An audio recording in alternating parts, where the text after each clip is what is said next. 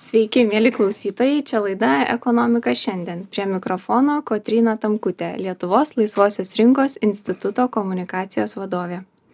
Prancūzijoje įsikūrusios rinkų, rinkos tyrimų bendrovės Ipsos duomenimis 53 procentai apklaustųjų sako, kad 2023 metai buvo blogi metai jiems ir 70 procentų pritarė, kad blogi jų šaliai tie patys septyniasdešim procentų mano kad du tūkstančiai dvidešim ketvirtieji bus geresni nei praėję. Ką tokios gyventojų nuomonės sako apie praėjusius ir artėjančius metus kokiomis temomis daugiausiai kalbėsime du tūkstančiai dvidešim ketvirtaisiais metais.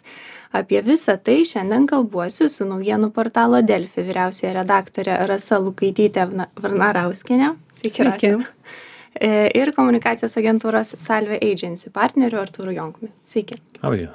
Tai reaguojant į tai, ką, e, ką žmonės kalba apie kokie tie buvo e, metai geri ar blogi, rasa, kokie buvo jie jums geresni ar blogesni ir su kokiomis viltimis žiūrite į artėjančius.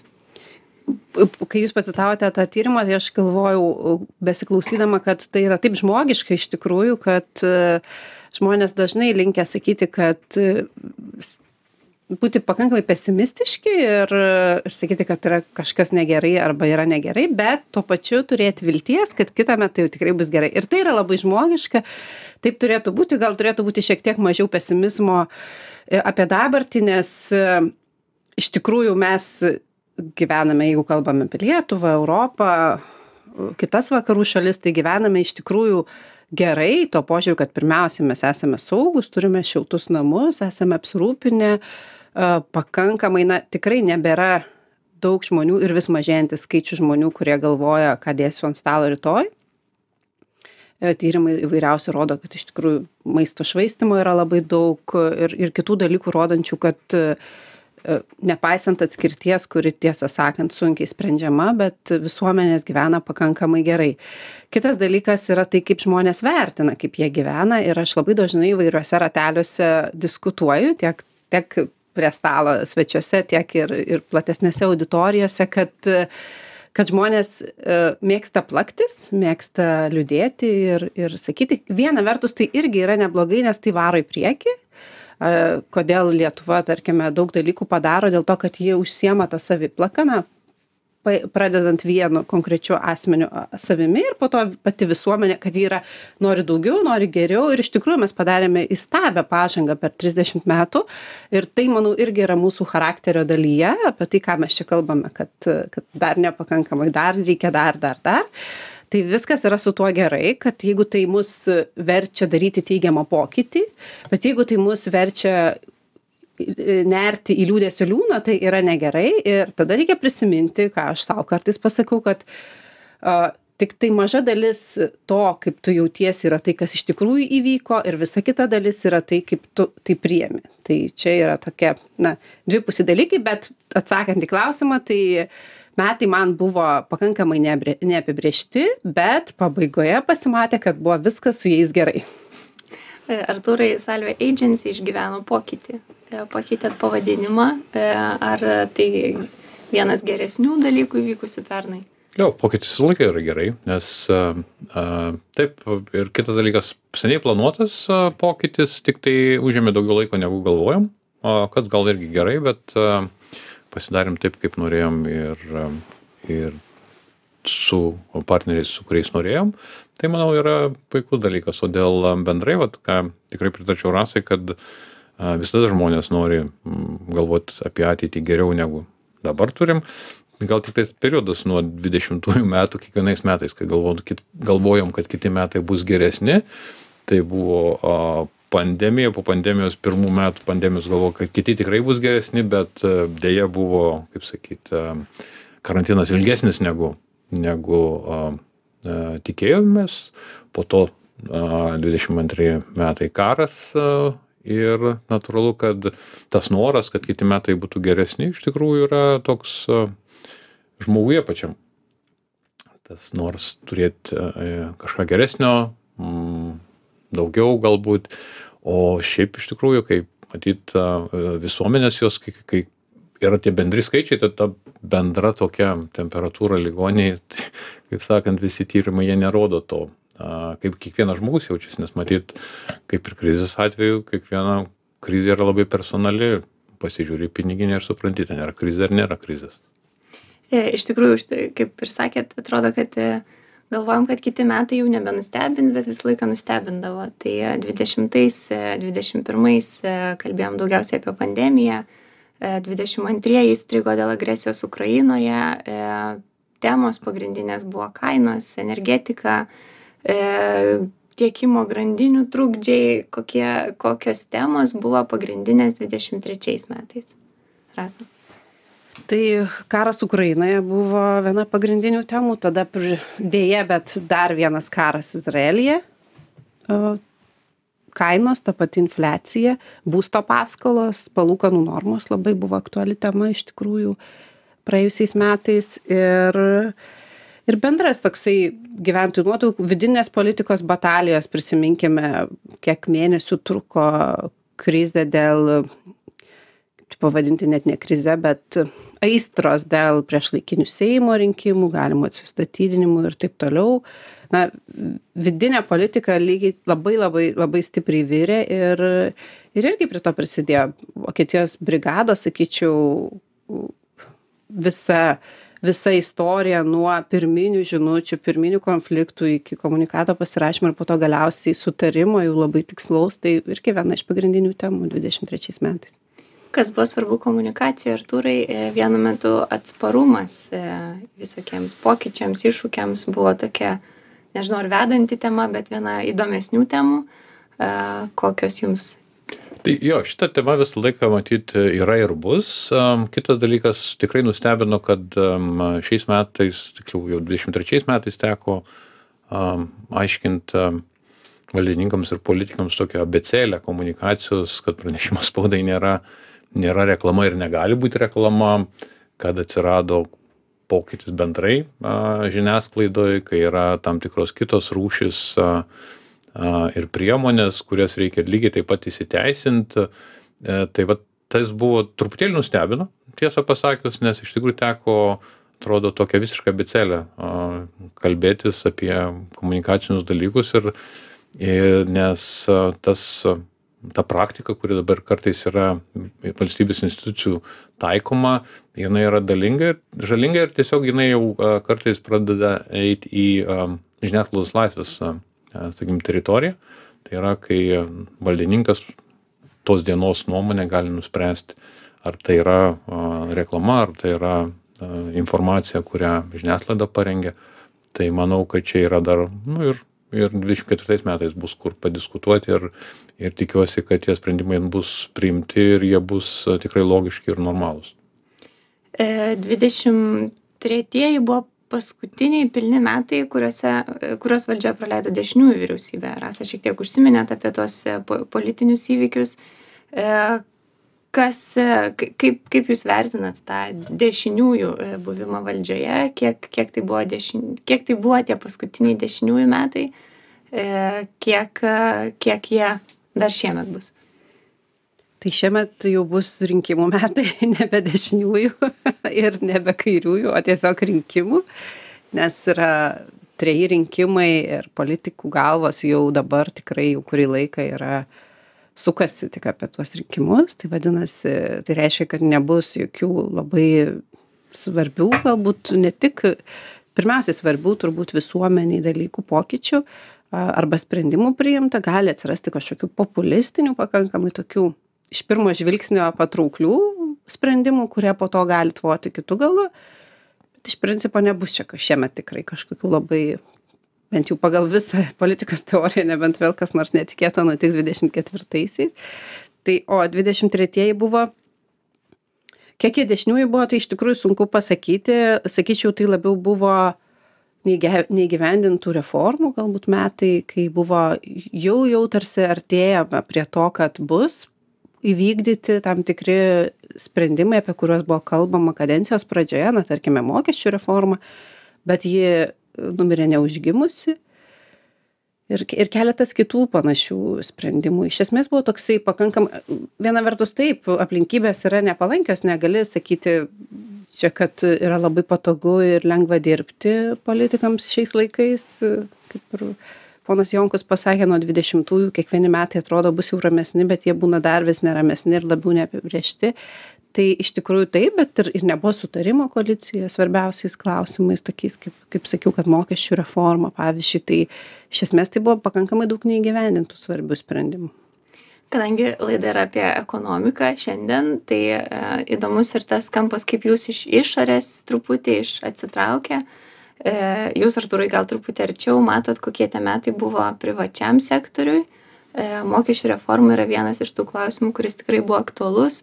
Iš tikrųjų beveik trejus metus pats patys ir mes lietuvos laisvosios rinkos institutas buvom aktyviai įsitraukę į tuos į tuos svarstymus ir ir įvyko kaip įvyko e, pakeitimų kažkokių tai konkrečių labai neturim bet e, kaip kaip jūs matot apie e, metus verslui? Buvo pasipylę kaltinimai godumu tiek iš lietuvos banko tiek iš vyriausybės pačios.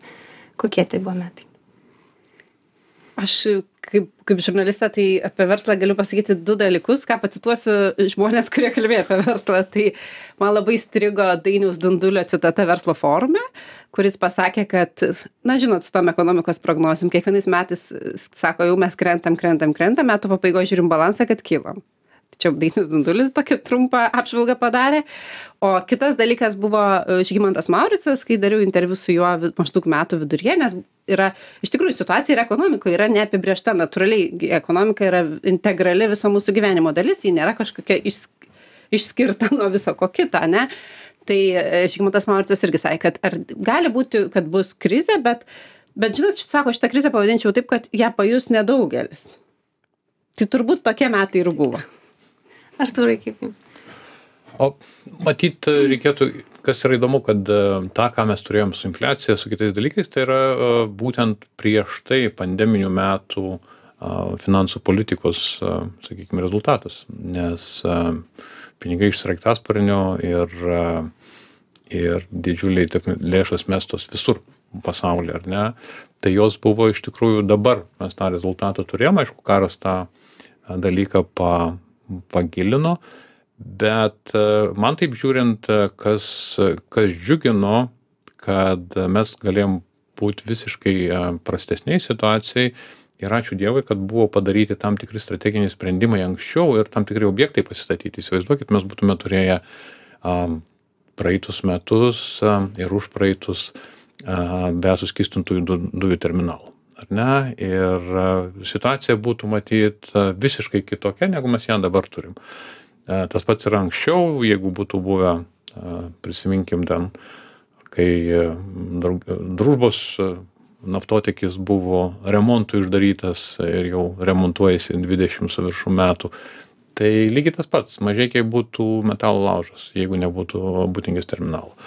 Tai va tas džiugina kad iš tikrųjų kaip ir rasa minėjo kad yra dalykų kur mes sugebam pasidaryt. Ir vat tose strateginėse kryptyse e, lietuva buvo pasidarius tam tikrus darbus ir tikiuosi bus politikoj e, žmonių kurie kurie iš tikrųjų būtent tą kryptį ir žiūrės ir matys kad tikrai reikia pasidaryt tam tikrus darbus kurie nėra populiarūs bendrai visuomenėj ir prisiminkit kiek diskusijų buvo dėl būtingės kiek diskusijų buvo dėl suskystintųjų dujų terminalo visi ten laužė ietis ir e, bet galų gale mes turim rezultatą visai gerą ir ir mes ekonomiškai stovim visiškai gerai vien dėl to kad buvo tam tikri namų darbai pasidaryti dar prieš prieš dešimtis metų. Ir jeigu dar galima pridėti tai dėl infrastruktūrinių dalykų tai iš tikrųjų pavyzdžiui kai buvo dvidešimt antraisiais didžioji energetikos kainų krizė lietuva suskubo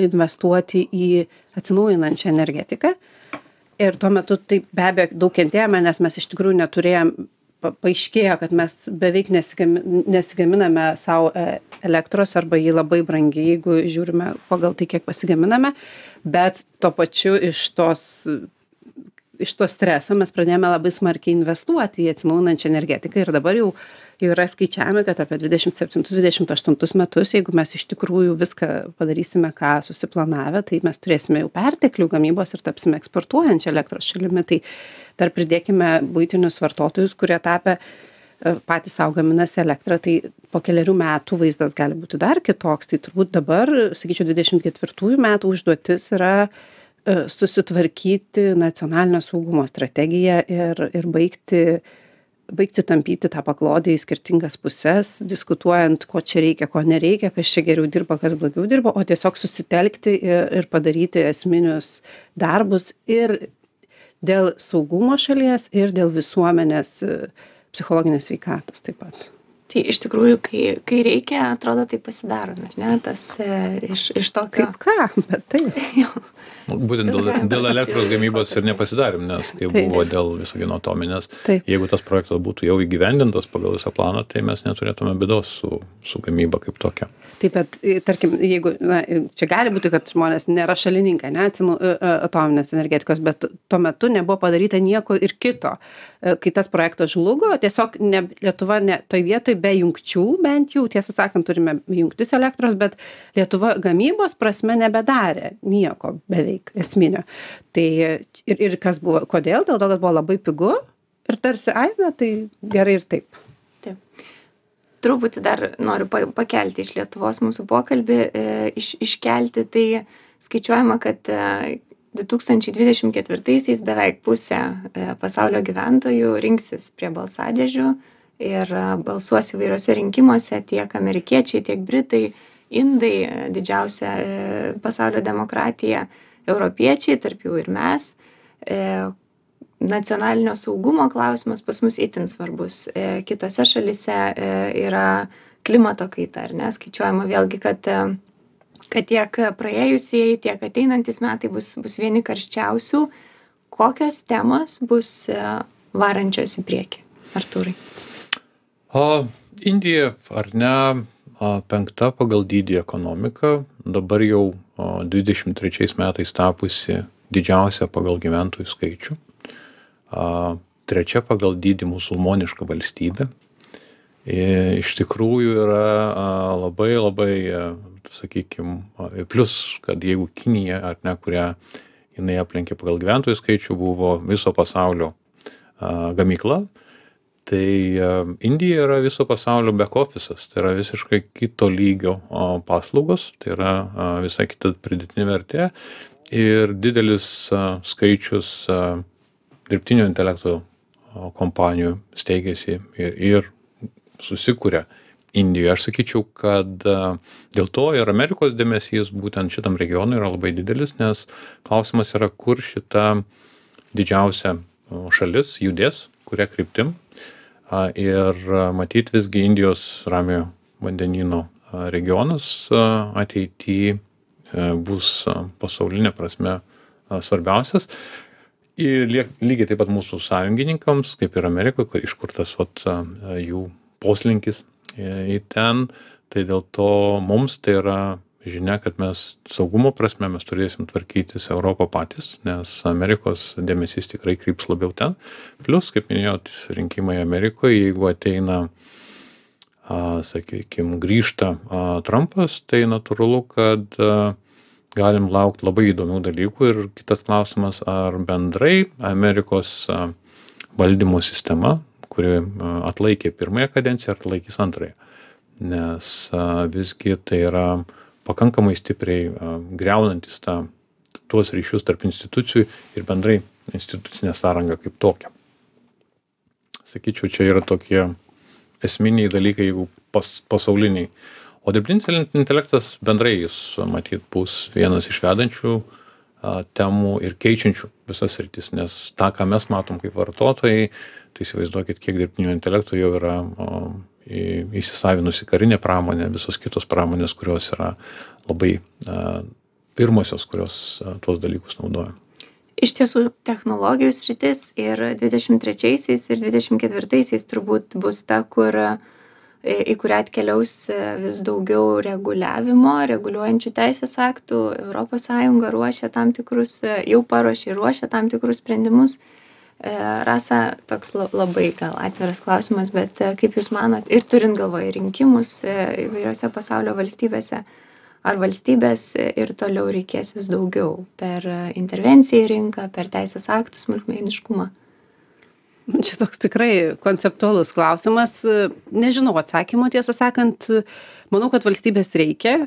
Kiek giliai čia jau diskusijų objektas ir ir požiūrio klausimas viena vertus bet jau pažiūrėkime kaip vyksta reguliavimas didžiųjų technologinių gi gigantų na ir dirbtinio intelekto kurie planuojami. Tai amerikos ir europos išsiskiria e, politika ir tai labai ryškiai matosi.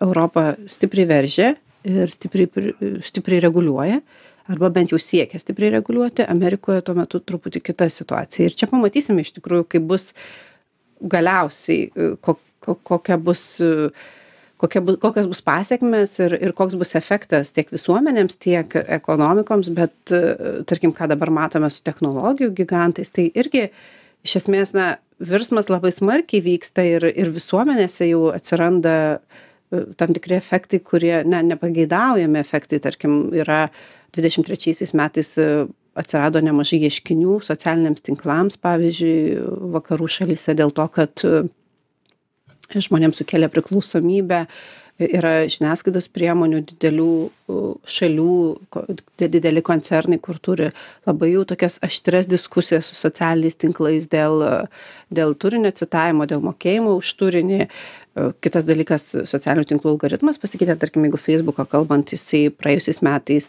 pradėjo labai smarkiai nureitinguoti žiniasklaidos žinutes ir ir ir kiti dalykai tai tikrai vyksta labai dideli virsmai. Viena vertus vyksta ekonomikos platformizacija kita vertus platformos pradeda pačios spręsti kaip turi daug kas atrodyti ir ir čia ir rinkimų kontekste ir visuomenės ir tos pačios psichinės sveikatos kontekste yra labai svarbūs klausimai kaip jūs e, kaip žiniasklaidos priemonė turėdami visą tai galvoje kaip jūs projektuojate savo kelius kryptis e, daugiau socialiniuose tinkluose mažiau kažkokio didesnio savarankiškumo?